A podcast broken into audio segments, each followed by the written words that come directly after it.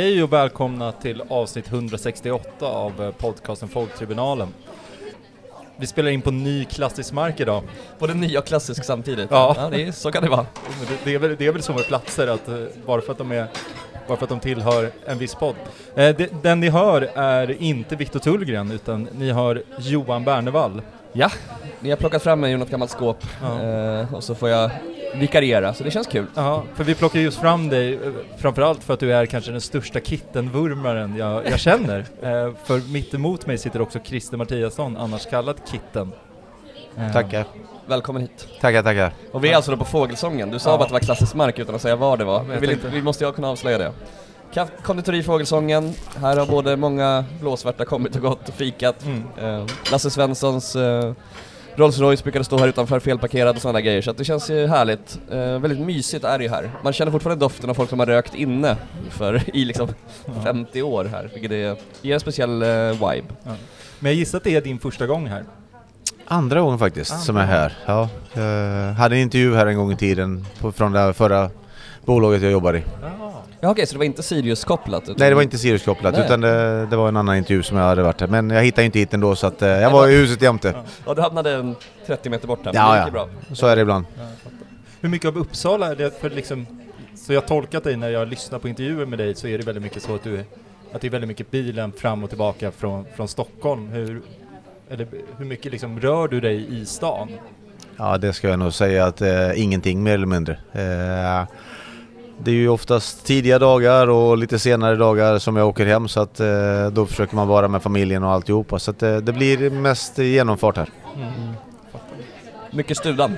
Mycket studan, absolut. Ja, det väldigt, väldigt mycket studan. Ja, ja, det är jättefint eh, på alla sätt och vis. Jag Jag, tänker, du- jag trivs bra. Du har ju ändå verkat inom fotbollen länge, varit nära Sirius på olika sätt som tränare i andra lag och sånt där och du har ju garanterat då gissar jag besökt gamla studan, den eh, något annorlunda eh, liksom 70-talsarenan eller vad man kallar den, eller ännu längre än så. Eh, vad tycker du om liksom, gamla kontra nya? Känslomässigt sådär, har du någon? Ja, alltså, det finns väl olika delar i det. På den gamla och gräset är ju alltid, det är ju en del som jag, som jag alltid älskat med fotboll, att det är gräs och Sen också gamla träläktare har ju sin tjusning med det hela men, men eh, man får ju inte den här inramningen som vi har nu på, på studenternas där det blir ett tryck och, och man känner att eh, det är vi mot eh, de andra. Ja. Så det tycker jag är riktigt härligt. Och det är våran hemmaborg. Nu är en analys många supportrar delar, att man, är lite, man saknar vissa delar men man älskar ju att det är, ja, inte bara komforten utan också det här trycket som uppstår, det är ju, det är fantastiskt. Ja men närheten eftersom vi, vi, vi tränar här dagligen så att det, det är skönt också att känna att det är sin hemmaborg. Härligt. Ja, Christer, du och jag sågs ju nyss, i uh, förrgår måste det vara va? I förrgår ja. Ja, eh, Nattkväll. Sirius fotbollsgala. Eskil var inte bjuden. Nej, eh, djupt bitter och... Eh, och Maybe vidare. next year. Ja, Kanske jag som delar ut pris till dig. vi får se. Likt Tryggve Pederby känd från den här podden. Behöver kämpa upp sig lite grann för Ja, att bli inbjuden alltså, Ja. där ute. Så att eh, en del får ta emot pris och en del får stå på, på, på läktaren där. Ja. Ja, det är som i fotbollen ungefär. Ungefär, ja, Podd- precis. Poddlivet. Där, därav är du en förebild Christer.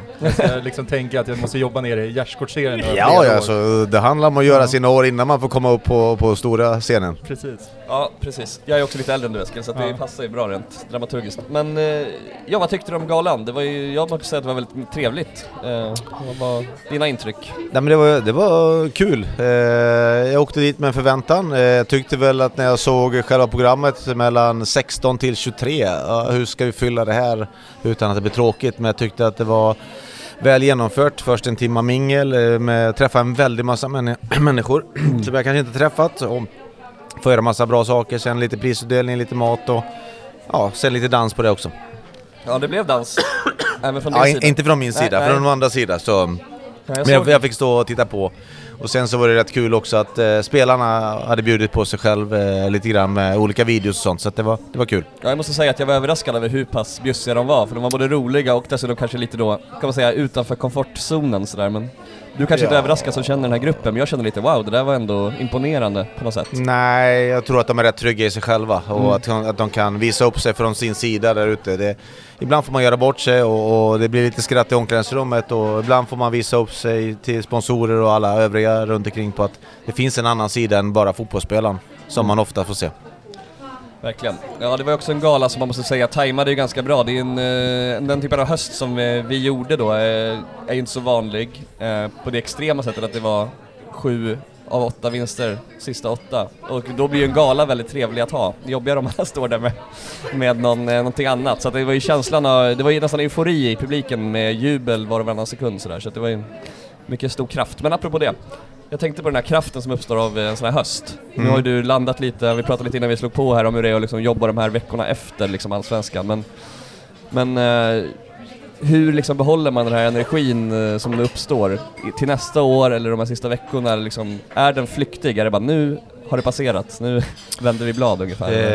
Eh, nej, vi vänder absolut inte bladen. Man måste få njuta lite grann av vad vi har gjort och, och vilka prestationer och vilken vändning som, som hela föreningen fått vara med om där ute för att eh, det som hände de första 12 omgångarna innan man går på semester, det, det är ju tufft och sen åka på ett par smällar till till att åka på en riktigt ordentlig smäll mot Halmstad där och det var väl en lärdom vi fick ta och sen få vända det till, till sju vinster och ett kryss.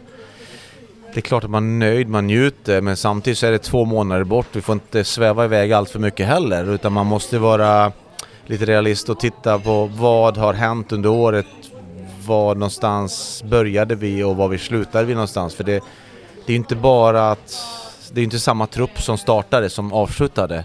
Och och tillgängligheten har ju också varit större för varje månad som har gått där ute. Så att just nu så är man lite urlakad men man behöver ändå bedriva en, en, en viktig träningsvecka som är kvar just nu i alla fall för att också titta på många unga spelare som kommer från 19 som får visa upp sig. Mm. Jag tänker liksom de här veckorna då, eh, träningar genomförs Eh, som du sa. Men eh, är det extra mycket kontorstid också? Du sitter med Jonte eller andra eller eh, eller hur funkar det gentemot en vanlig vecka under säsong? Utöver då det uppenbart att det inte är match på helgen. Ja, det, det som är skönt är att jag slipper sitta och titta på fyra matcher och börja analysera och planera och tänka vad är det som är viktigt inför helgen och den biten. Nu är det så här, vi försöker träffa träffa några spelare, träffa, gå igenom ledarna, vad, eftersom det är mitt första år, vad, vad är det som är bra, vad är det som är dåligt innan vi gör själva utvärderingen då som ska vara nästa vecka. Okay. Eh, och känna lite grann så att vi, de får uttrycka sig i ett, en, ett stängt rum då först och främst och sen inför hela gruppen för att en del saker behöver ju tas upp som vi kan göra bättre och en del saker förstärka några saker som har varit jäkligt bra för att det, det är en massa saker som har varit bra och massa nya människor som vi, jag har lärt känna under det här året. Så att det är... Eh, det är kul. Det är kul, men ändå så är det så här, fasen, man vill ju också gå på lite ledighet. Men det kommer. Mm. Det kommer. Men jag tänker de samtalen du har med spelarna just nu, är de utifrån liksom att är det, är det, mer, är det ett summerande samtal eller är det också lite titta framåt? Så här, vad, vad, vad, vad, vill jag göra nästa år? Vad vill vi som förening göra? Vad vill, vad vill jag som tränare? Jag vill, jag vill ha, liksom, hur, hur ser de samtalen ut just nu? Ja men de är lite tudelade. Alltså en del som kanske inte har fått sin, sin speltid eller vad, vad, vad spelaren själv förväntar sig av av Sirius, om de har kommit eller varit här tidigare, ett nytt sätt att spela. Alltså, man pratar väl rent allmänt om, om små grejer hela tiden och, och sen så givetvis så pratar man om framtiden, vad, vad de tror och vad jag vill att vi kanske ska bli bättre på där ute. Och sen förstärker man några saker som har varit jäkligt bra då så man gärna avslutar med någonting därifrån. Men nu har jag inte hunnit med så många spelare hittills för att eh, det, tiden går. Och, och de, de ska ju ändå först vara på fotbollsplanen och sen ska de upp och köra lite styrka därefter. Så att hade nog önskat att jag hunnit med några mer.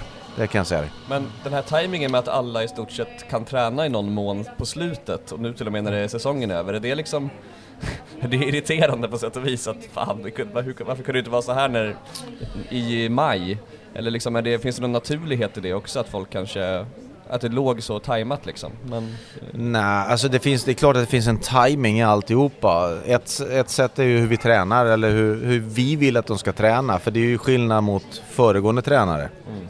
Eh, den ena delen. Sen ärvde vi en väldig massa korsbandsskador, eh, långtidsskadade spelare som inte var i träning för sensommaren eller innan sommaren precis. Så att det handlar väl lite om att lära känna de här träningsmetoderna som vi har och, och, och sen få in dem i träning. Eh, sen ska alla fystränare och alla runt omkring forma in på träningen och avsluta sista träningen med att alla tränar. Mm, det, det var jag jäkligt glad för, för att då har vi åtminstone gjort en träning, det går att få alla på plan där ute och det är ju alltid målsättning mm. där ute. Men kan du säga någonting då eh, om vad som skiljer i metodik från tidigare? Liksom, vad, har, vad fokuserar du mer på i din filosofi under, i träningsupplägg? Alltså, liksom?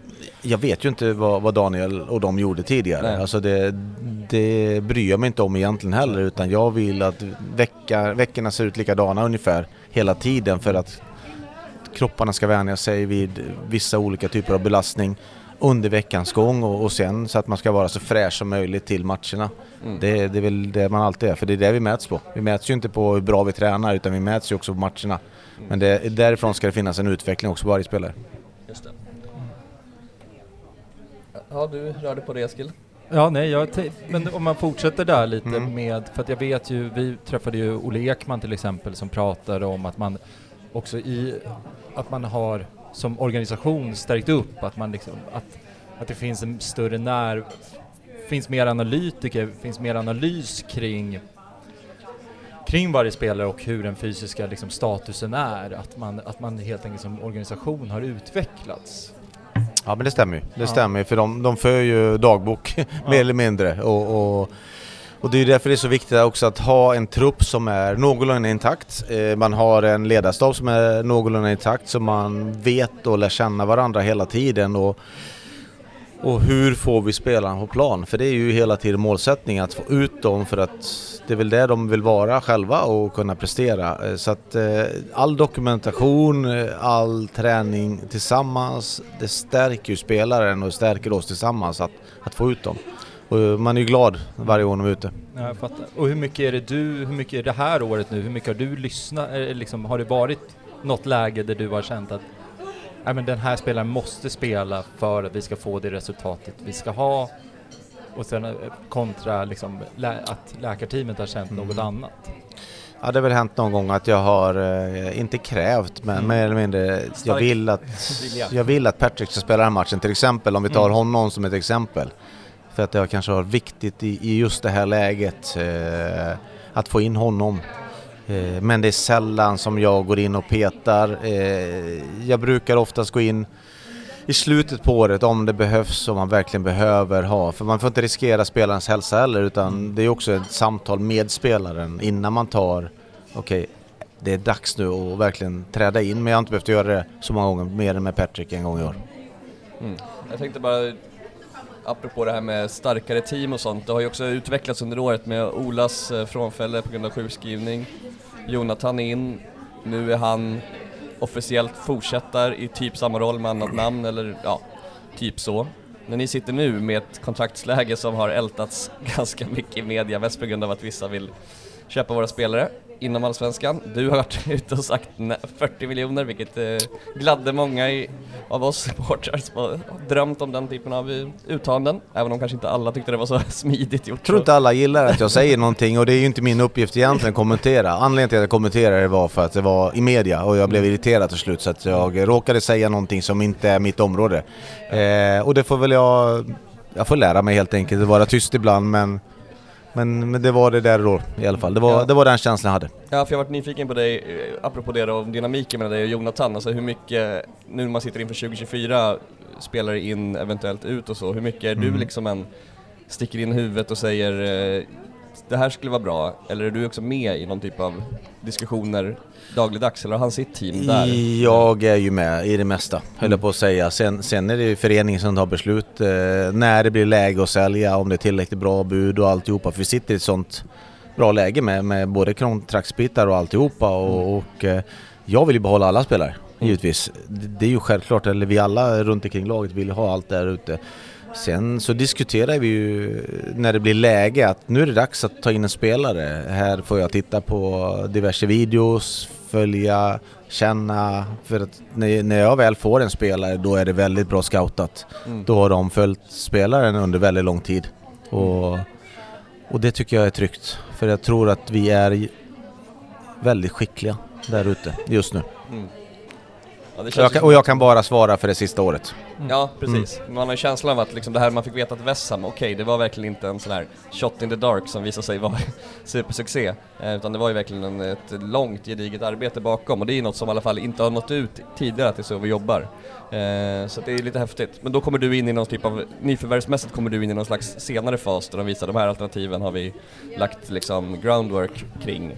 Kolla, Ja. kolla de här videorna. Det gör de absolut. Och, och jag tittar och känner det här, den här känslan ser jag utifrån den här spelaren. Och sen är det ju alltid så att det finns ju videos som är korta och så finns det Y-scout som vi jobbar i och, och jobbar, alltså kan man titta hur mycket matcher som helst och det gäller bara att få en bild utifrån vårat sätt att spela och känna är det här rätt för vårat sätt att spela? Absolut på vissa och ibland har man sagt nej det här känns inte bra just nu i alla fall. Och, och sen handlar ju allting om, som Jonathan säger, timing. Mm. När vi säljer en spelare eller någon lämnar, vilken spelare är tillgänglig där ute? För man kan ha väldigt mycket tur och man kan ha väldigt mycket otur också. Mm. Men det är ju därför de lägger ner så mycket tid och, och följer så många ligor och skriver och antecknar om varje spelare och det är ju över tid så att vi, vi står där och är säkra på våran sak. Ja.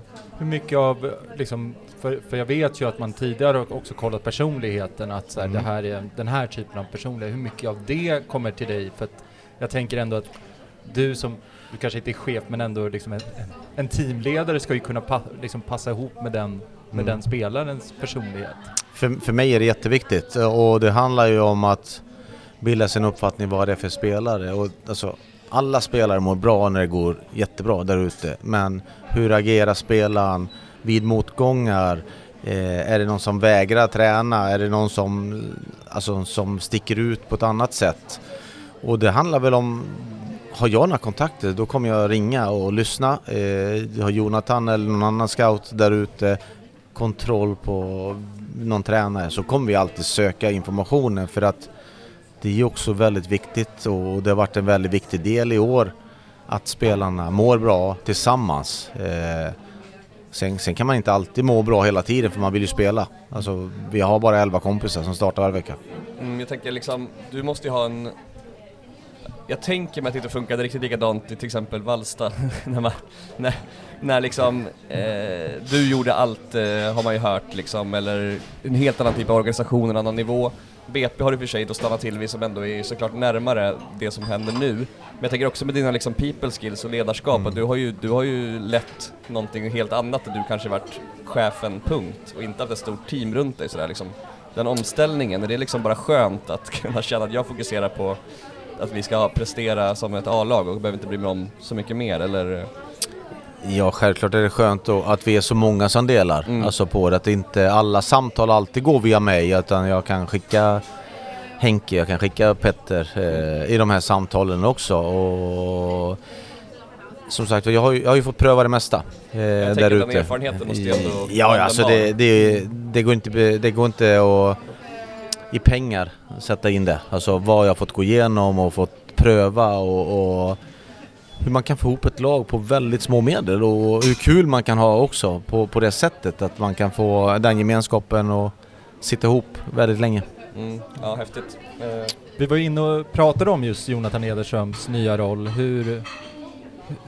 Va, va, för, för ändå så här, det, han blir ju på något sätt din, din chef. Hur, Ja, vi, vi Ja. ska väl inte... Han, jag, jag kommer bestämma honom. Nej men skämt åsido, det är klart. Han blir min chef och det, det blir ju ännu tydligare nu. Alltså, han var min chef tillsammans med Christer och vi, vi höll ju jättebra diskussioner. Vi har gjort det under hela året om behov av spelare, behov av någonting annat eh, runt omkring så att de har ju varit väldigt stöttande under det här året. Framförallt när det, när det inte fungerar resultatmässigt. Eh, så, så har de ju hela tiden stöttat oss alla där inne. Mm. Så det var, som var en viktig del.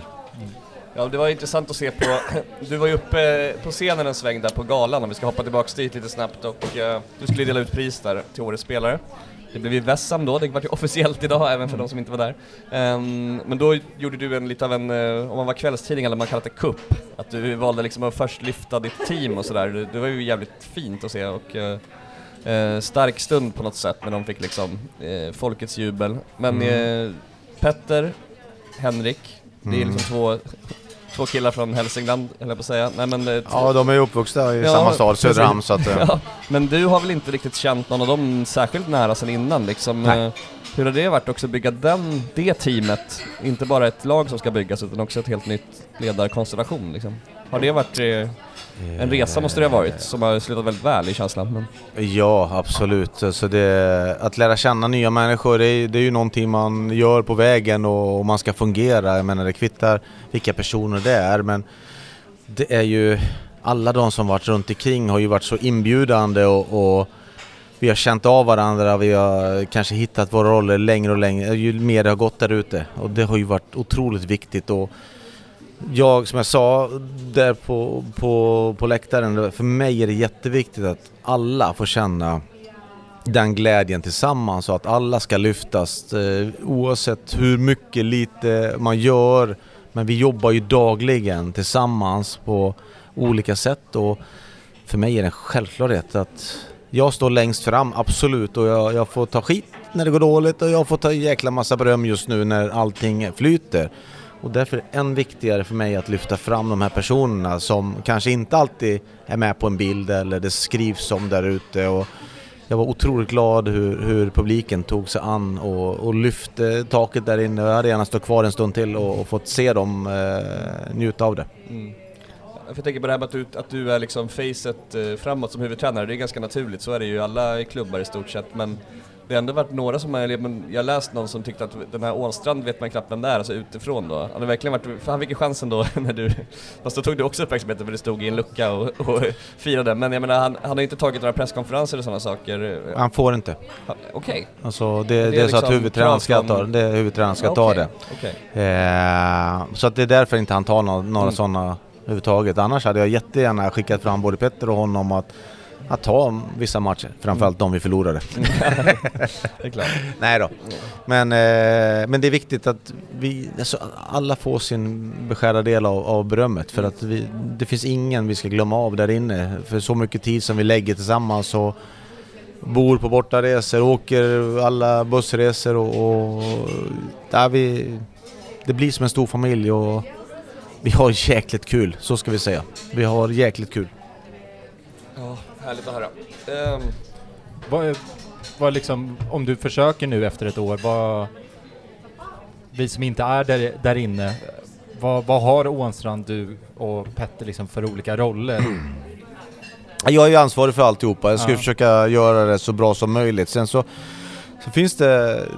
Alltså, Henrik är otroligt duktig teoretiker, bra på att driva träningar, han är bra på det taktiska, få fram saker, får mig till att förklara vad jag vill hela tiden så att det blir tydligt för honom och för, för hela gruppen. För ibland så vill jag göra saker och då måste jag också kunna förklara alltså varför jag vill göra det. Och samma sak om vi har en idé så så ska vi lyfta fram det. Petter har ju då lite större ansvar för, för det defensiva, jobbar mer med backarna där ute eh, på ett sätt som har blivit ännu tydligare ju längre säsongen har gått när vi verkligen har behövt att vrida på saker där ute. Eh, och han kommer med taktiska inspel och sådana saker också. Sen har vi Karim, får vi inte glömma heller. Hur duktig han på att hitta övningar, hitta, hitta rätt saker för målvakt och backar tillsammans för att det ska bli ännu lite bättre. Så att, och så försöker pussla ihop det till någonting riktigt bra. Och, och, och sen då har vi hela fysteamet då som ska se till att alla spelare är på plats med eh, diverse träningar, både individuellt och tillsammans där ute. Så att Nej, som sagt var, jag tycker att vi har en grupp som fungerar jäkligt bra med olika erfarenheter och, eh, och det tycker jag är viktigt för att när vi väl står och blåser där ute så, så ska vi stå enade och det har vi gjort hela tiden. Och ta besluten. För jag tänker det här med till exempel scoutingen. Mm. Är, är Petter involverad närmare, liksom kolla mer på de försvarsspelare vi kollar på? Eller är det, är det du som har det ansvaret som huvudtränare att, att liksom... Han, ko- han kollar givetvis på, på Mm. dem också för att han, han ser ju på ett sätt också som utifrån hur han vill att det ska vara. Sen är jag ju med och petar där inne också men, men då kan han lägga lite mer tid på de bitarna. Eh, och är det målvaktsbiten då definitivt Karim som är inne och petar för att hur han agerar, hur vill vi att han ska agera utifrån vårt sätt att spela fotboll där ute. Och, och, och vi tar gemensamma beslut där ute. Så att eh, blir det bra, då, då är det vi tillsammans. Så gör det dåligt så är det vi tillsammans också. Så vi får inte glömma det, att, eh, för det blir ju ibland lite fel att det inte blir rätt exakt. Om, om vi tänker Filip till exempel, det är, det är ingen fel rekrytering utan det är bara att tajmingen blev fel för Filip. Ja, den var rätt målvakt... först och sen var det fel ändå. För ja, att för att Mitov blir frisk och Mitov eh, när han spelar då är, då är han ju väldigt, väldigt bra. Det får vi inte glömma av och han är väldigt ledande och han kan styra en backlinje eh, på det sättet. Så att mm. när Filip kommer in, ja, då, då kanske han räknar med att stå men sen så blir det att ju längre det går så, så dippar ju han och det är inte så konstigt heller för att han, han förväntar sig att flytta från, från Polen hit och spela på matcher och inte sitta på bänken. Ja, det är klart. Så att, eh, men det, är, det var ett gemensamt beslut. Ja. Du nämnde det där någonting om gruppen och liksom eh, om vi ska komma in lite på säsongen som var och den här berömda vändningen. Redan in, innan där när det liksom, det blåste ju först ganska kallt på de här inledande utan vinst men då fanns det ändå en slags hopp om ja, kryss, massa kryss, spelet relativt bra många matcher liksom, var dramaturgin kring det. Sen vart det ju tre raka vinster, nu jäklar vi på gång. Sen vart det ju nästan ännu tuffare liksom mentalt, i alla fall som supporter, men säkert också som att det blev de här liksom, och sen hände ju Halmstad då. Där fick jag känslan av att det på något sätt var en vändpunkt. Den var ju negativ i sig, men det kanske också var någon slags, ja, nu har vi nått någon slags botten här nu. Eh, ja, men liksom, ja, gruppen under den här resan, hur, hur, för det var ju aldrig några skandalrubriker när det började tjatas om och sägas något i media om att det är för jävla dåligt. Det var väl Sten som var arg för att vi, vi, vi är för dåliga, men det var aldrig något så här liksom, ibland det brukar kunna börja läcka små saker ut ur en trupp när det är sådär tufft liksom. Mm. Men kände du att det fanns en styrka liksom hela, hela vägen? Eller? Ja men det har funnits en styrka och det har funnits en glädje och det har funnits en... Eh, alltså att vi ska lösa det. Eh, sen, sen är det väldigt enkelt att säga i efterhand men, men eh, de har hållit sig enade och det tycker jag också tyder på att det är en bra grupp och att eh, om det är någonting som händer så tar man tag i det där inne. Mm. För alla är inte nöjda givetvis. Vi är inte nöjda. Eh, och det du sa att Stensson att han sa att vi är för dåliga. Och det är ju verkligheten. Vi, vi var ju för dåliga för vi tog inte de vinsterna vi behövde göra vi var bra mellan straffområdena men vi var för dåliga i båda, i båda straffområdena framåt och bakåt. Så att, eh, sen, sen så, som du sa, vi, vi går ju till sommaruppehållet med tre raka vinster och det är ju jätteskönt. Alltså jag fick ett par dagar med min son och åka iväg med honom och få göra det livet bra tillsammans som vi inte har semester gemensamt övriga familjen. Nej, så vi hittade på en, en egen liten resa där ute. Men sen spelar ju också schemat en stor roll. Alltså vi, lottningen som vi har emellanåt är ju otroligt tufft när vi väl tror att vi ska få lite fart. Då möter vi alla topplagen och vi är ju nära. Alltså vi känner ju att vi är där men vi når inte hela vägen fram. Vi förlorar ju alla de här matcherna. Men, men eh, sen blir ju den här matchen då mot Halmstad, den blir ju så dålig så att det blir väl ett uppvaknande för både ledare och spelare att här behövs det en höjning. Eh, och, och, hur många timmar vi, vi la ner eh, de fyra dagarna vi var lediga det vet vi inte riktigt. Men, men många timmar var det och eh, någonting hände och eh, det var, det var ett bra samtal med spelare och ledare runt omkring att vi, vi hade en plan på vad vi ville göra och ville, ville förbättra lite grann och eh, sen kom ju också en 7-0 vinst som gör också att gruppen känner att vi kan göra mål, vi kan hålla nollan, vi bygger ett självförtroende. Rätt spelare får göra poäng, rätt spelare får, får offra sig någon gång när det blir ett skott mot mål eller någonting sånt. Och, och sen börjar man få lite självförtroende så, så gör vi en, en taktiskt jäkla bra match mot Värnamo borta. Mm. Alltså som jag sagt hela tiden. Den är, ju, den är ju bra från start till mål. Vi är bättre på många punkter. De har mycket boll men de kommer aldrig till några riktiga bra lägen förutom att vi, vi har ett bolltapp som de skapar ett läge på. Och så får vi en sån här... Vi fortsätter göra våran grej fram till, vad är det, 88-89 minuten då vi får 1-0. Och det är klart, det ger ju någonting extra där ute. Att kunna göra någonting så bra i det rätt läge.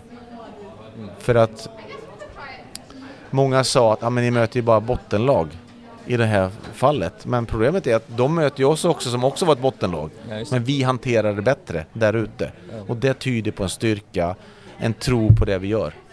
också. Jag tänkte på de här sommarförvärven har ju varit ju också någon slags symbol för vändningen i och med att vi gjorde, de gjorde väldigt bra ifrån sig på planen också sådär, men kan det finnas någon mental aspekt i att de kommer in som liksom oskrivna kort och inte har med sig massa saker som har känts och gjorts under våren liksom, eller finns det en sån aspekt i att få in dem också i gruppen så eller?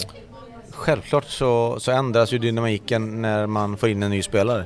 Eh, folk som tar ansvar, folk som kanske vågar eh, misslyckas lite mer. Eh, man måste också tänka på när vi startar, alltså jag vill ändå backa tillbaka, när vi startar serien så är det inte en enda spelare 2023 som startar 2022. Nej, och vi har tagit in många unga spelare som inte har så mycket erfarenhet. Vi har superettaspelare, division 1-spelare som ska göra debut och, och det tar en stund och, och lite skador på det.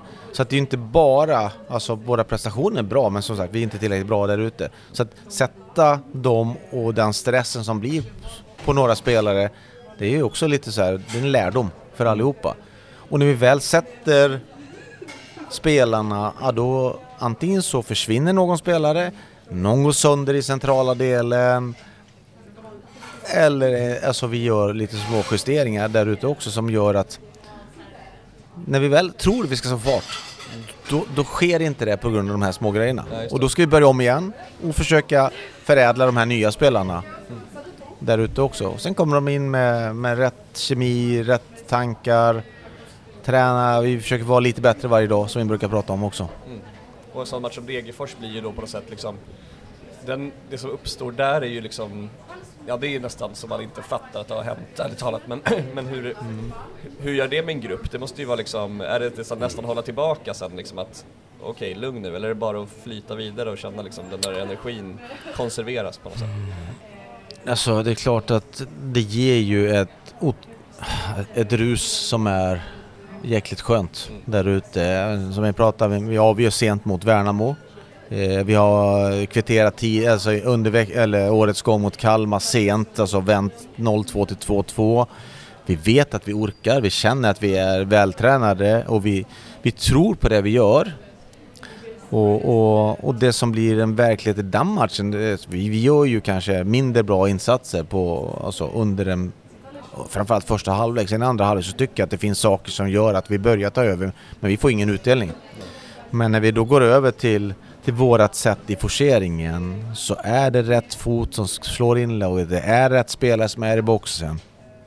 Och sen att göra tre mål på åtta minuter eller sju minuter, ja, det får man inte uppleva så många gånger eh, där ute. Och, och, och framförallt också få, få göra det mot rätt mål och man får jubla tillsammans. Mm. Det tycker jag också är en, en skön känsla, även om jag fick vara ensam där uppe. Så, men, men det var ju Ja, det är en fin eh, vy i alla fall, över alltihopa. en fin vy, ja, men, men det var ju många saker som man inte ska säga i ett, ett slutet rum. Ibland man var lite, man var lite besviken på må, några saker, att man inte gjorde saker rätt. Men det man tar med sig det är att det var, vi tror på det. Att vi, att vi inte slutade spela oavsett om det såg väldigt mörkt ut där ute. Och sen blir ju nästa del, alltså det blir ju en saga att bara fortsätta. Vi kan vända saker, vi är starka och då går det att bygga på det också.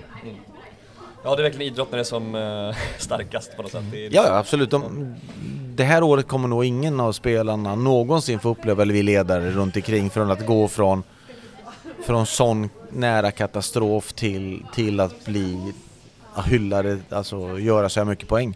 Alltså, det får man ju nypa sig själv i armen lite grann att, att vända det. Ofta så brukar tränaren få gå och kanske det blir en förändring men nu behåller vi Alltså det laget som är, vi tror på det, vi gör det lite bättre, vi får självförtroende, spelare som, som ska göra mål, gör mål, spelare som ska offra sig. Ja, men, mot Göteborg borta till exempel, jag vet inte hur många skott vi blockar. Till exempel, vi offrar oss på ett helt annat sätt. Och det handlar ju lite om att vi tror på, de ska inte göra mål på oss. Det, det, det kostar någonting extra där ute. Och hur, för du pra, hur bygger man, hur bygger du som ledare tro? Är det bara de här resultaten mot Varberg och, och Degerfors eller hur får, hur får man en grupp att tro, tro på det? Ja, det är väl många bitar. Alltså, först och främst så måste man ju som ledare vara rätt så lugn alltså, alltså i omklädningsrummet och, och visa mycket saker som är bra. För att vi gör ju mycket saker bra fast det kanske inte gav resultat. och förstärka vissa saker och sen, sen behöver vi förfina saker så prata om att vi gör det tillsammans. För att det är ju det som är, när vi kommer till de här matcherna, de här fyra matcherna som vi då pratade om i början, Varberg, här vinner vi stort. Mot, mot, eh, mot Värnamo så är det så taktiskt bra hela matchen. Allting de försöker göra gör vi ett motdrag som blir att vi vinner. Vändningen, ja då är, då är det de som är avbytare som kommer in och förstärker det hela. Och mot Göteborg är det så här. Okej, okay, vi åker dit, vi ska hålla nollan. Vi vet att vi kommer kontra ett par gånger. Och vi gör det på den biten. Så det är så många delar i det och då blir ju alla som inte får göra en enda minut lika viktiga i ett lag och alla känner sig viktiga för att resultatet, Sirius, ska bli så bra som möjligt. Och då är det väldigt enkelt som att förstärka det. Fastän hur viktig du än är, om du så bara får vara med i uppvärmning, du får peppa någon och att vi tillsammans känner den glädjen som vi gör. För att jag är ju jag är bara missnöjd att jag inte själv fick vara nere i omklädningsrummet och, och fira med grabbarna när vi gör 3-2 och förmodligen lyfta hela det taket. Ja, just, jag tänkte bara på det, det är intressant för dig som individ eh, och den här eh, galjonsfiguren då. Då har du upplevt verkligen, bara under en säsong har du fått se båda sidor av liksom myntet, att kanske vara ifrågasatt, det skrivs någon krönika, det kanske sägs någonting i någon podd, det kanske skriks till och med från läktaren mm. att uh, man är värdelös och sen kommer det tvärtom då, lovebombing av Guds nåde när man är liksom hur, hur, är du på att handskas med det där som också kommer från en bakgrund där kanske inte varit samma engagemang eh, utifrån liksom? Måste man liksom tänka att sanningen ligger alltid någonstans mitt emellan? Att jag är inte är så dålig, jag är inte heller så bra, eller? Hur? Eh? Mm, nej, alltså jag har ju fördelen att jag som spelare har varit längst uppe och varit jäkligt bra, alltså när jag öste i mål och alla tyckte att jag var skitbra och till att inte spela en minut ett tag och vara den som var sämst och någonstans däremellan kunna hantera de bitarna. Det är samma sak nu.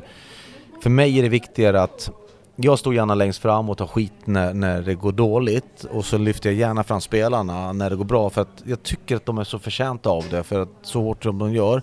Och det handlar väl om att kunna hantera det lite grann och inte bara stå och ta åt sig jag har gjort allting för att det är fortfarande ett vi-tänkande. Mm. För mig är alltid vi mm. där ute men, men det är klart att jag har väl tvivlat på, på mig själv emellanåt att fasen får jag inte resultat för jag tycker vi gör saker som är bra men vi, vi vinner inte fotbollsmatcher. Jag är inte van vid att inte vinna fotbollsmatcher. Mm. För jag kommer ju från Två uppflyttningar. Tre, ja, men tre riktigt bra år. Mm. Alltså det, vi vinner, jag vinner väldigt mycket.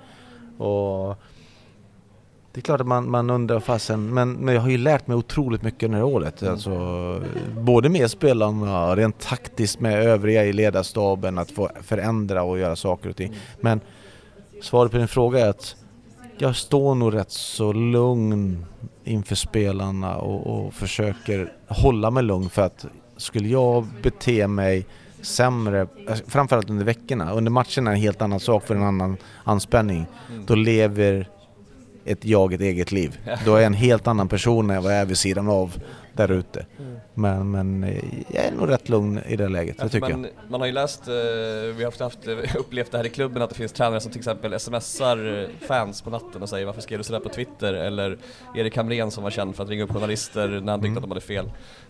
Kliar det någonsin när man tycker att ni har ingen kunskap överhuvudtaget, fan, att liksom gå över den gränsen och bara höra av sig? Eller? Ja, vi kan väl börja med att jag, jag kanske inte läser eller gör allting, alltså lyssnar på alltihopa. Det kan ju vara en smart men metod. Sen får jag väldigt, väldigt mycket information, både av min son som, som kan allting om både Sirius och eh, hela Allsvenskan. Att här säger de så här och, och de, de, visar, men jag behöver kanske inte höra alltihopa för att eh, det är inte hela sanningen. Sanningen är ju vad vi bedriver varje vecka. Mm. Alltså vad jag ser, vad vi ser tillsammans med spelarna och, och alltihopa. För att jag förstår ju att alla har en åsikt, varför spelar inte han? Vad gör han för något? För det finns ju det finns ju en vecka som har varit så här, han kanske inte har tränat bra, han kanske är skadad, han kanske... Mm. Eh, och, och, och, ibland så chansar man med en spelare som man tror passar jäkligt bra för den här matchen. Eh, så att det är så många saker som ska klaffa under en hel vecka för att man ska komma ut med ett resultat. För man lever ju just nu under ett, ett resultat som är en vecka. För det är det som gör om man mår bra eller dåligt fullt ut. Mm. Precis. Jag tänkte på det, jag, jag lyssnade både på vårt, vårt tidigare samtal men även eh, när du blev intervjuad i Discovery, att, att det du var mest spänd på var just se om du själv höll. Mm. Um, känner, känner du så här efter en säsong? Jo men det är klart, alltså återigen, alltså, jag tror ju på, på den idén som vi försöker göra här. Alltså och att spela en anfallslag fotboll med mycket fart framåt, eh, gärna ett högt försvarsspel. Sen har man ju fått tumma lite grann på det höga försvarsspelet på grund av olika anledningar, att vi kanske inte har lyckats hela tiden så man har hittat en annan balans där utifrån. Men det är klart att ibland har jag tvivlat jättemycket var, var, varför man inte fungerar och allt. Men samtidigt har jag en stor tro på allting vi gör också. att Fortsätter vi bara göra de här sakerna så tror jag att det kommer ramla över. Och som jag, jag tror jag sa det tidigare i podden här att det var en viktig del när Christer ringde mig, Abrahamsson i det fallet, att du får inte ändra någonting. Du ska göra samma saker, det ser bra ut, vi har tro på det alltihopa. Sen kommer det alltid en gräns där man det, det tippar över åt ett annat håll, att man måste ta ett annat beslut. Men det, de orden gav ju ändå lite så här skön känsla att vi, vi är på rätt väg. Att få ett samtal, eller flera samtal så ska jag säga, från honom. Det gör också att det känns rätt så lugnt och tryggt. Och med det så tar vi en liten paus, delvis för att vi måste byta batteri men också för att jag min arm håller på att dö eftersom att... Eh, du håller din mick här ska vi säga exakt, för eh, för att min kära kollega eh, glömde den i en väska. Men det, så, det tar en paus. Här snart. Apropå eh, det vi sa här när ingen annan hörde och eh, ståplatsläktare. en viss släkting till dig hade varit och besökt stugan och sådär men eh, hela publikutvecklingen har ju varit något som vi supportrar är så himla glada för. Eh, jag och Eskil är ju sådana som har varit med när det inte varit lika populärt att vara blåsvart i den här stan liksom. Eh, är det någonting som man, förutom då att du såklart kan se att det är kul eh, för klubbens skull och för er skull indirekt eftersom det är intäkter och det är härligt, men kan man använda det någonting sportsligt, att det är drag kring klubben liksom? Ja definitivt. Alltså, redan när jag kom hit så, så fick jag höra att kulturen är på väg uppåt och det blir mer och mer folk och sådana saker. Sen, sen är det, alltså det är viktigt också att, att att man får resultat så att det blir lite mer känsla. Så att alla går därifrån med, med glädje. Och menar, I början på året så gör vi en massa bra saker men jag tycker ändå att det fanns ett stort stöd för spelarna. Ni, ni sjöng hela vägen in och alltihopa. Men den stora valutan fick vi ju egentligen här på slutet av året när man får fira tillsammans och får göra målen åt rätt håll och få vända saker. Och, så att det blir ju en kraft att jag tror att eh, lagen tycker att det är lite jobbigt att komma hit när när det inte är det trycket som man kanske är van vid på sin egen hemmaplan. Och att vi, vi är starkast där helt enkelt. Ja, men det blir något väldigt vackert i det tänkte jag på slutet att liksom vi på läktaren blir liksom glada för spelarnas och era led ledarnas skull att fan nu, har de, nu får de betalt för allt jävla slit de har liksom lagt ner och ni kan också känna att fan nu får de här jävlarna som har stått där i motgång också jubla så man unnar ju varandra den glädjen på ett härligt sätt. Det blir en väldigt symbiotisk stämning de här sista matcherna kan jag tycka. Ja, ja absolut. Som är fantastisk. Det har, det har ju varit eh, jätteskönt på alla sätt och vis och sen så det finns några bortamatcher också som, som varit lite så extra speciella. Vi har, när vi har förstört några fester där ute och, och få, få jubla på ett sätt tillsammans. Jag menar matchen mot Göteborg, det, det står väldigt många Sirius-supportrar mm, och, och få...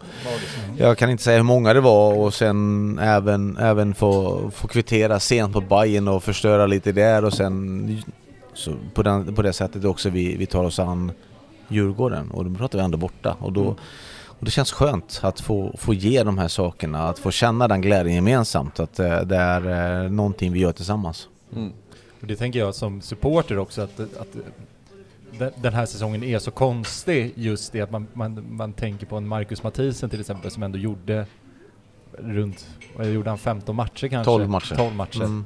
Men att han är liksom, det har blivit så, det har blivit så konstig säsong med vilka spelare man minns. Man känner att mm. Wessam har varit här hur länge som helst. men, det, men han är här mm. vart tre och en halv månad ungefär. Att, mm. att det, det, blir också det här att man tar till sig spelare på ett helt annat sätt vid, vid framgång. Ja, precis många pratar ju i våra led så här, fan det finns ingen man kan relatera till i det här laget, det känns inte alls som att man känner något för dem. Är det för att de förlorar? För, för så fort de vinner då är man plötsligt bara, fan vad jag älskar det här laget, de verkar så härliga människor också. Det är ju så här, det är en larvigt resultatstyrd bransch även mm. i läktarperspektivet, inte bara planen. Men, ja, eh, ja självklart, alltså det, det ser man ju på, på allting att alla vill vara med och fira, men det är också den styrkan som jag känner att vi har haft, det är ju att i motgång har vi också fått det stödet som, som har varit så otroligt viktigt där ute. Ja. Och få känna det. Och sen också är det viktigt att, att spelarna känner samma sak tillbaka. De är oftast fram och tackar, även om vi kanske inte har vunnit där ute och, och, ibland har fått fira tillsammans och då gör vi det på ett jäkla härligt sätt. Och sen klart att fansen får ju sina egna favoriter. Jag förstår ju att West Ham till exempel är en stor favorit i det fallet att han, han vill gärna synas med publiken och få med allihopa på ett bra sätt och då blir man ju också en favorit. Och han förtjänar det också utifrån hans prestationer. Jag tycker det är väldigt härligt hur han ofta liksom, liksom vänder sig också mot sittplatspubliken för där har vi ju utvecklingspotential i deras engagemang rent hur de, hur de rör sig och låter och sådär. De är, de är ganska blyga Uppsala-publiken så det hade liksom på dem också att kom igen nu då, wow! Så det, det är fantastiskt att han ser dem med och inte bara går till klacken som kanske är det naturliga. Det tycker jag är väldigt fint. Ja men, men det håller jag med dig om, alltså, men samtidigt så är det ju också Alltså, det är ju inte bara här, här i Uppsala som, som sittplatspubliken sitter utan det, det finns ju faktiskt, det är ju överallt egentligen att det blir en annan kultur, ni som sitter, står bakom, sjunger tillsammans och ni känner en glädje och, och så brinner för det. Sen är alla lika viktiga i det här fallet men, men att få, få med dem, det vore ju jättekul också. Ja för då har vi verkligen en, en kokande liksom arena. Eh, En framåt. kittel. En kittel som det så populärt Mm. kallas ja. Eh, men du, 2024 till det, bara jäkligt bred fråga om nästa år. Eh, vad är det du ser framför dig? Eh, det måste ju vara vissa saker som skiljer, till exempel då kanske en mer bibehållen trupp än mellan 22 och 23. Men vad tänker du nu? Har du hunnit tänka alls? Ja, alltså det är, ju- det är ju alltid så, man ligger ju tyvärr aldrig precis här i nuet utan man, det finns ju alltid framtid och alltihopa. Och får, får jag bestämma så, så vill jag att större delen av truppen och de här startspelarna är kvar. Vi bygger på den här vinnarkulturen som vi har skapat där ute, en tro på att vi kan göra saker och ting. Och, och skulle det vara så att vi får behålla så stor del, då kommer vi också börja lite längre fram. Alltså, vi behöver inte börja med grunderna från början. Byter vi ut någon spelare, det blir lättare att sitta med en och en och få in dem där ute. Eh, ska vi då byta ut tio spelare, ja, då blir det så här. Då får vi börja igen och, och det är lite mer knaggligare och det tar lite längre tid att få in det. Så att jag har en stor tro på att stora delar av truppen kommer kvar eh, och att man kan börja på en högre nivå och, och därifrån då kanske bygga vidare på någonting som är riktigt bra. Hur mycket är det, för, för vi vet ju alla att, att, att det har sagts att man, alla spelare kommer troligtvis inte vara kvar utan om det kommer rätt, om Sirius Mm. väljer att släppa så kommer man kommer man att släppa. Hur, hur mycket är det, är det liksom enskilda spelares egenskaper som gör att ni kan vara längre fram och hur mycket är det att, att det är liksom att det är en person som vet hur du och du och ledarstaben vill, hur, den ska, hur, man, hur vi jobbar i Sirius och hur, man liksom, hur vi ska bedriva passningsspel och anfallsspel. Ja men det, alltså det, det som är, alltså ju, min, alltså ju mer spelare som är kvar desto Mm. enklare är det. Man behöver inte börja med alltihop, jag behöver inte sitta och rita pilar på alla löpningar som ska göras i ett straffområde eller vilka ytor i, i försvaret som ska, Mm.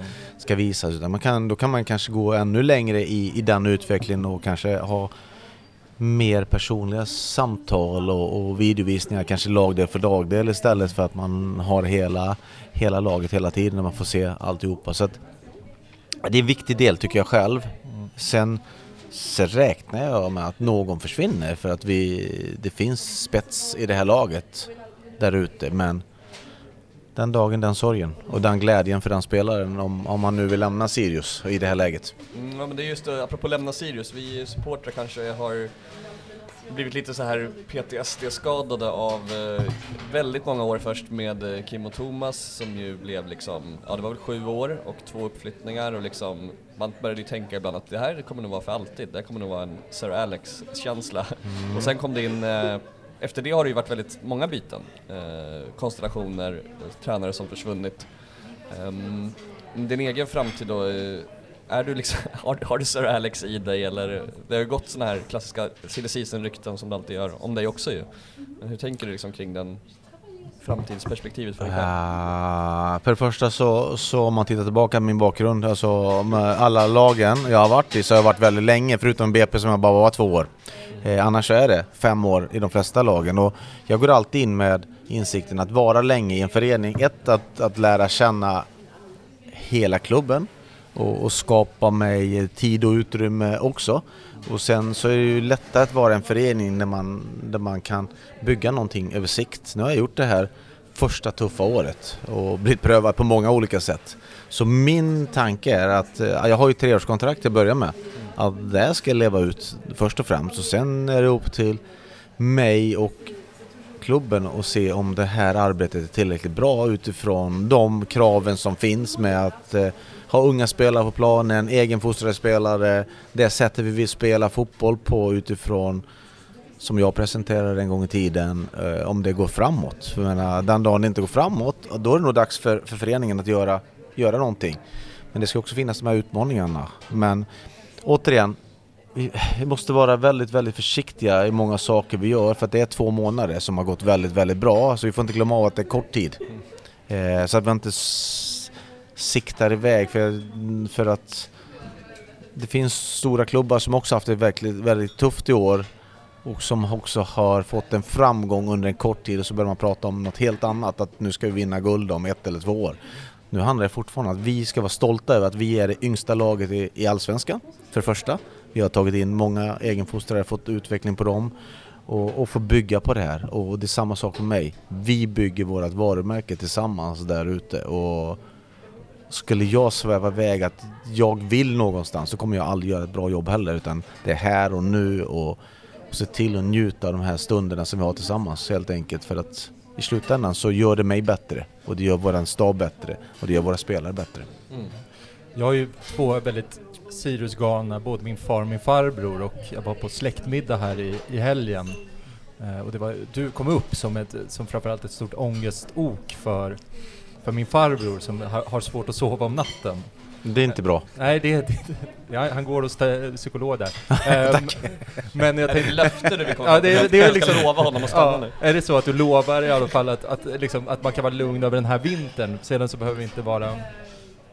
Alltså jag har ingenting annat i min tanke. Alltså det finns inte någonting än, än att vi, vi ska se till, ett först, att se till att avsluta det här den här veckan, göra en bra utvärdering och sen ska vi starta upp till, tillsammans i januari och om det är 7, 8, 10, vilken nu datum är. Det är min enda planering eh, där ute. Och, Jag hoppas det räcker för hans Ja. eh, sömn helt Ja, enkelt. hoppas så eh, sov gott, vi, vi syns i januari. Ja. Mycket bra. Eh, Jag tänkte bara på det här, för det vet jag ju att Ola var väldigt tydlig med för, för två år sedan. Det är ju det här med att man, att vi framförallt då vid liksom när, när spe, spelare lämnar, att man ska ha en, att vi ska ha våra egna som kanske, att, steppar in då, tänker du? exakt, att det är Mm. de som ska ta platserna. Hur, Ja. för, för, för min känsla, för, inför den här säsongen så var det ganska tydligt med att Adam Wikmans plats, att det fanns en ganska tydlig, alltså fanns en plats för honom, det fanns en plats för Jocke, eh, det fanns en plats för Malcolm, kanske inte lika, kanske en liten efterhandskonstruktion. Vad jag kan känna nu så finns det inte en så, det finns, en, finns inte en, liksom, den här nästa spelaren som, liksom, som ska hoppa upp och ta, att det finns ett litet vakuum där i, bland våra ungdomsspelare. Hur, håller du med mig där eller är jag ute och cyklar? Ja men det är också därför vi, därför vi låter dem vara med och träna och pröva på vecka ut och vecka in, alltså några stycken som gör det bra. För att det handlar ju också om att de U19-spelare som, som är där nere, eh, de behöver ju prestera på sin nivå först och främst. Det är inte bara att komma upp och tro att man får en plats. Sen behöver man ta plats också, för det handlar lite om att unga spelare idag är lite curlade, man, man får det väldigt bra serverat och för mig handlar det mer så här, när du är här uppe, visa vem du är. Vilket, eh, var någonstans vill du ta din plats där ute? Ja, det saknas lite hopp där underifrån. Men samtidigt, nu har vi fått fram tre stycken om vi pratar då Jocke, Adam och eh, Malcolm i det här fallet som har spelat väldigt mycket i, i det här fönstret, eller under det här året. Det får man inte varje år heller. Alltså, ett, mm, så man måste också det kanske tar ett halvår, det kanske är någon som växer som kanske får ett kontrakt därifrån och lyfts upp tidigt och då får man också stå och stampa lite grann och ge den tid. Mm, ja, det är bara att kolla på en sån som Jamie till exempel. Det, tog inte, det gick inte över en natt. Vi som minns när han tog sina första steg eh, i A-laget sådär. Mm. Eh, men eh, apropå eh, truppen då eh, och sömnlöshet. eh, The Camps verkar ju vara mer eller mindre klart att han försvinner. Det är i alla fall en stor possibility så att säga. Hur mycket sömnlös är du över det liksom? Nej, ingenting egentligen. Alltså jag, jag vet vad han gick in i, i, i vilken del. Alltså att det här är ett korttidskontrakt till att börja med. Mm. Sen så vet jag också att det förs diskussioner alltså där ute. Sen handlar det om rent ekonomiska delar eh, och vilken ålder han är i och alltihopa så ska han då ta en plats från en yngre spelare. Alltså, så att jag, jag, jag litar på att Jonathan gör det bästa han kan av den situationen för att spelaren Juri, människan Juri passar perfekt in i Sirius. Sen, sen måste vi vara smarta i alla val vi gör. Var, var lägger vi våra pengar? Hur mycket är han värd utifrån ålder, prestation och alltihopa? I prestationer vet vi, det har vi sett där ute. Och den, den lilla värderingen, den blir Jonathans del att ta hand om. Jag, jag bara svarar utifrån att Mm. vi älskar honom som fotbollsspelare och människa i den här, under den här tiden. Det är den berömda tajmingen. Timing och alltihopa, sen, sen Mm. återigen ekonomi. Alltså Mm. var, var, var någonstans, vad, vad satsar vi på? Och, och är det så att det här är rätt val, att föreningen känner att det här är rätt val, då kommer de ta det beslutet att det är det rätta beslutet. Vi har ju hört det här om att eh, De Camps, att han, att han just bidrog mycket med sin professionalism också, att han var ute först, att han tränade, att han liksom man gjorde de här, hur märkte du av på den övriga spelargruppen just med tanke på att det är så mycket unga spelare, att, att man liksom tog inspiration från det beteendet? Eh, det, det som har eh, förknippat Juri i det här fallet, det är att han var gärna först. Han körde sin aktivering, han visste hur viktigt det var att, att hålla igång alla sina muskler. Han hade ju en, en lite jobbig baksida. Alltså han visste att han behövde göra det här och jag hoppas att alla de som är unga ser hur mycket tid, mycket kraft man behöver göra för att vara på den nivån som han har varit på och vara ännu bättre. Så att jag tror att spelare som är unga har verkligen sett hur proffsig han är för att kunna komma till plan. För att han klev ju av väldigt många matcher just på grund av att hans baksida var trött. Men han, han stod på planen sen för att han visste att jag behöver träna för att bli bättre och, och göra min roll där ute. Så att jag, jag tror att eh, många av dem har fastnat för hans beteende där ute. Härligt. Eh, ska vi börja gå mot våra älskade lyssnarfrågor? Ja. Jag har ju en, eh, en lite speciell fråga som jag tror väldigt många, i alla fall i min kompiskrets av Sirius-supportrar, har funderat över. Det har ju nästan blivit, vet du vad ett meme är för någonting? Ett meme? Ja, på nätet. Nej, du Nej, får... det, är- det är liksom en, en sägning eller citat som man då använder i olika bilder eller ja, eh, GIF-filer. Eh, Okej. eh, och en, en sak som du säger väldigt ofta och som nästan har blivit till ett meme hos vissa är ju de två orden där ute. Eh, Okej. har du någon? Där borta då? Jag tycker det är underbart. Jag älskar när du säger där ute. Det känns liksom, det har blivit liksom en, en gimmick nästan, förmodligen omedveten då, men har du någon Mm. egen teori varför du använder där ute så väldigt ofta som du gör? Jag kanske känner mig trygg med just de två orden. Ja, Det- det. Att köra där ute, för vi, vi är ju där ute Ja, ofta så det blir ju så här, vi sitter i våran lilla bunkel och, och när vi väl kommer ut så är det ute och, och då är det väldigt enkelt att förknippas med där ute. Ja, ja. Så att eh, jag får väl, nu kommer ni göra så att jag tänker på det så jag måste ändra nej, nej, nej, nej, nej, nej. Den delen. Succé så här långt. Ja. Men det är kul att ni uppmärksammar det i alla fall. Ja, men det är, det är härligt. Mm. Ehm, jag har suttit och myst hela, under den här hela intervjun varje gång det, det har sagt, så det är bara, det är fantastiskt. Ja. Kan ha så pling varje gång. Ja, exakt. Tack. Känner mig, eh, jag backar ju från micken nu. Ja. Eh, första är, vad, vad, vad, har du för, vad har du för dröm när det kommer till Sirius? Du pratar just om att inte drömma iväg, men har du någon, så här, vad, är, vad är målsättningen då, den dagen du, du lämnar den här föreningen? Ja, målsättning först och främst är, alltså vi, vi kan dela upp den här delen, att jag vill vara här väldigt länge. Som jag sa, jag, jag trivs i en sån här miljö där man har den här härliga känslan av familj. Eh, sen så vill jag ta steg varje år och jag vill nog någonstans nå utan att sticka iväg allt från topp 6. Och sen är det så små marginaler till att det tippar över till en bättre placering än topp 6. Och det ser man ju vad är det, Här var det 44, 45, 45, då är man där uppe på 50 plats. Och, och jag tycker inte vi är mycket sämre än de andra lagen. Och, men över tid så måste vi se till att det, det är en eh, att vi inte utsätter oss för den här tortyren, mm. sömnlösheten, ångesten, eh, alltihopa som vi har fått över, gå igenom i år. Eh, så att nej, över tid så vill jag att vi ska vara ett lag som är på övre halvan som, som tar steg där ute och som äger frågorna om våra egna spelare. Att kom inte ta de här spelarna. För det tror jag också klubben vill. Ja det känns ju som att det är väldigt synkat med det som har kommunicerats också just att man ska liksom mm. sakta men säkert närma sig de där och kunna hota om Europa, vad är det nu, 2026? Även ja. om supporterramsan är 2027. Ja. Eh, så har funnits i 10 år. Men då får jag förlänga mitt kontrakt. Ja, ja. det får vi se till att göra. Eh, men det där var alltså första lyssnarfrågan va? Ja precis. Var det, dröm, var det Sirius dröm här? Mm. Um, förväntningar på Sirius 2024, det tror jag vi har berört. Uh, den här frågan innan, är Stockholm blåsvart? Ja, absolut, absolut. ja. um. Och det, det som är intressant är också att eh, de resultaten vi gjorde i Stockholm var ju ändå vackra i år. Två ja, kryss och en vinst. Så att, det har ju också varit eller, en, ja, om, vi, om vi räknar BP så är det 2-2. Ja, ja, Nej men just det, det, där har ju, det där har ju varit en väldigt liksom, stark emotionell grej för oss mm. supportrar. För mm. vi har ju åkt dit varenda jävla år sedan vi gick upp och känt att det går inte. Eh, ofta stora siffror till och med.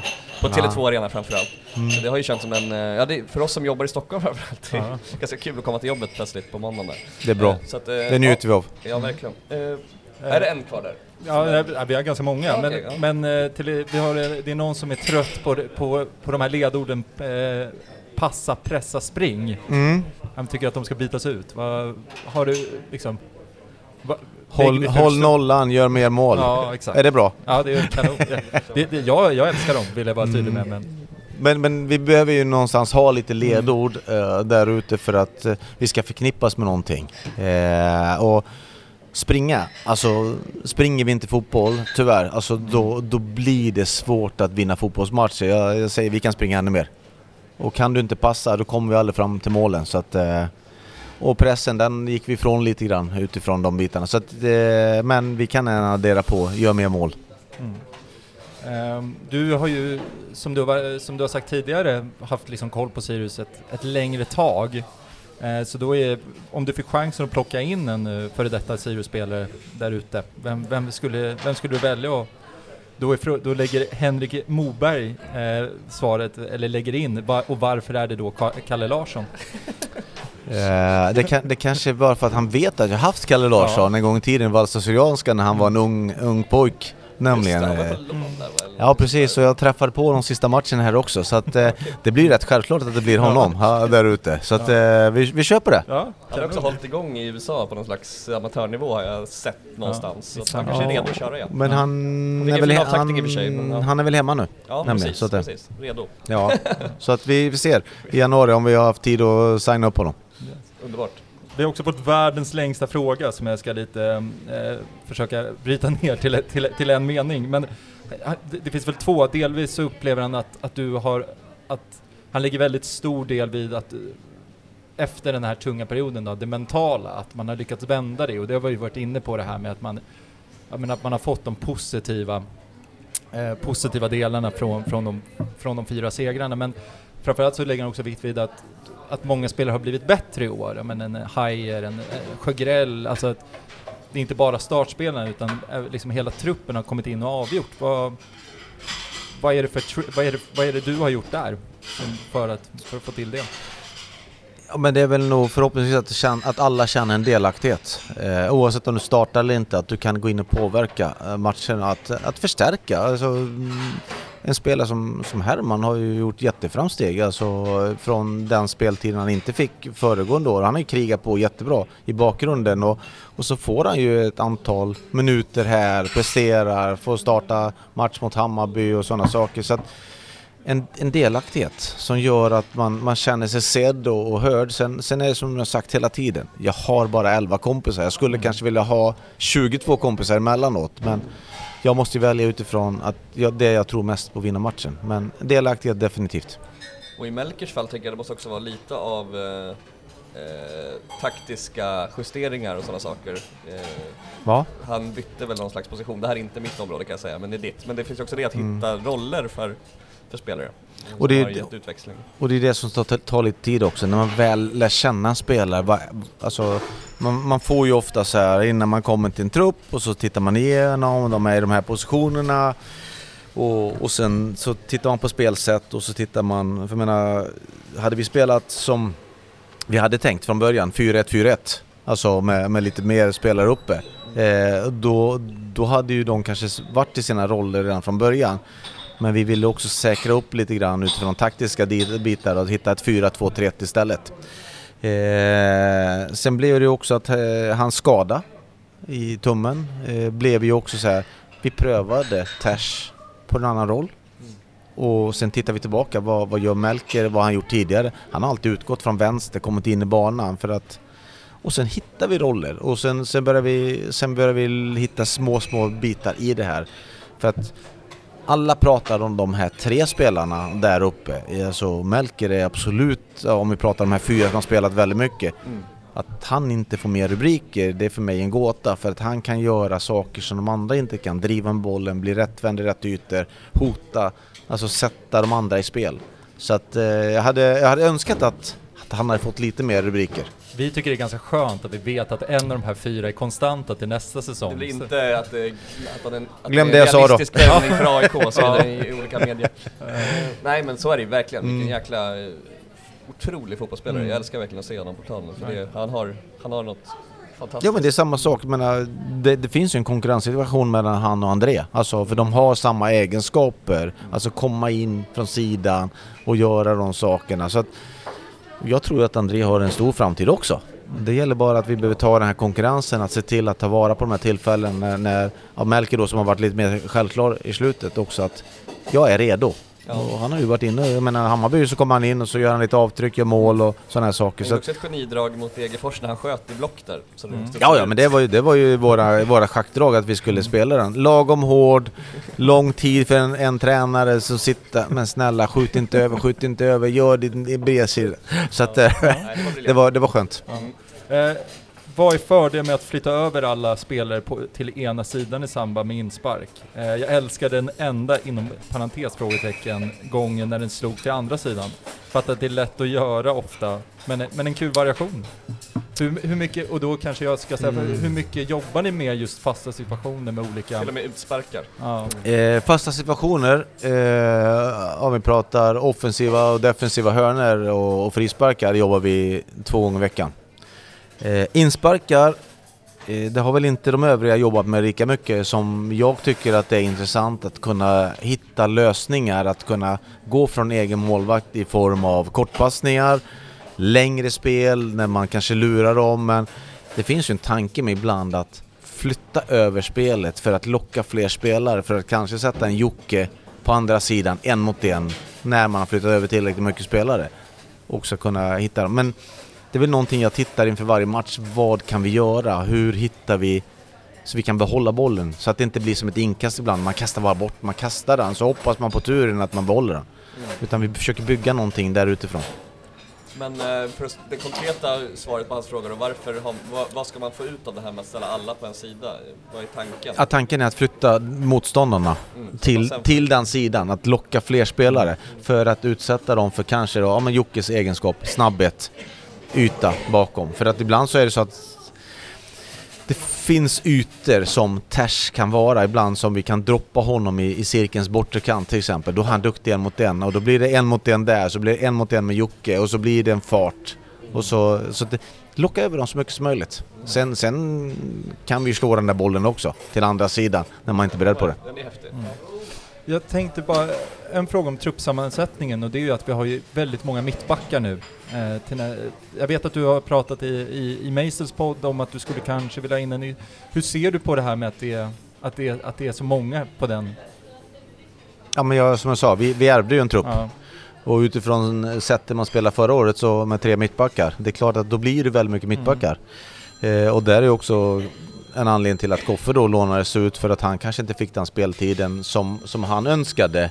Och eh, för mig är det viktigt att en spelare mår bra och att hans utveckling också går för, bra framåt där ute. Så att, Och sen så var vi ju väldigt tunna på ytterbackar. Alltså vi fick ju skada på Olli alltså i landslaget, hela muskeln gick av och, och så saknade vi och så gjorde vi om Jakob till en ytterback som eller en ytterback från mittback då. Nej men alltså sen har vi gjort om. Alltså Jakob till en ytterback som har också haft en utveckling som varit väldigt, väldigt framgångsrik där ute och eh, jag tror inte han, inte i Sirius i alla fall, kommer spela mittback. Det tror jag inte. Mm. En sista fråga, och det är det här, vi pratar ständigt om att det är så bra att vi får in mer pengar, att det är mer stöd.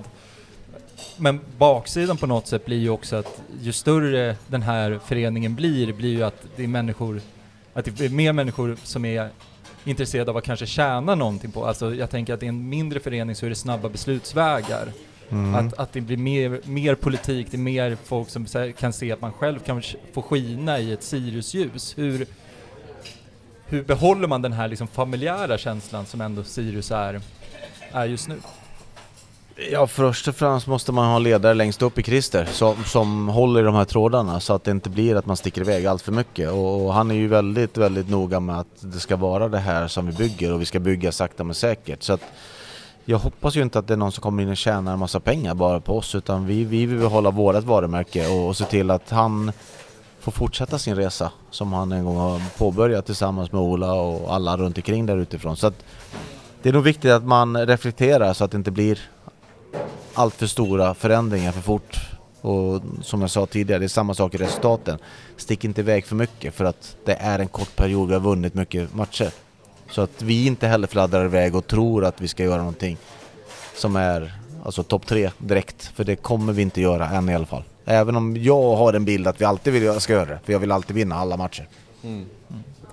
Som visst, om någon skrev på Facebook, eh, sälj inte guldet nästa år. Det var Ja. kul. Då var man redan, då är man långt fram. Men det, Då är eh, man långt fram det, ja. eh, det är finns något härligt i det också.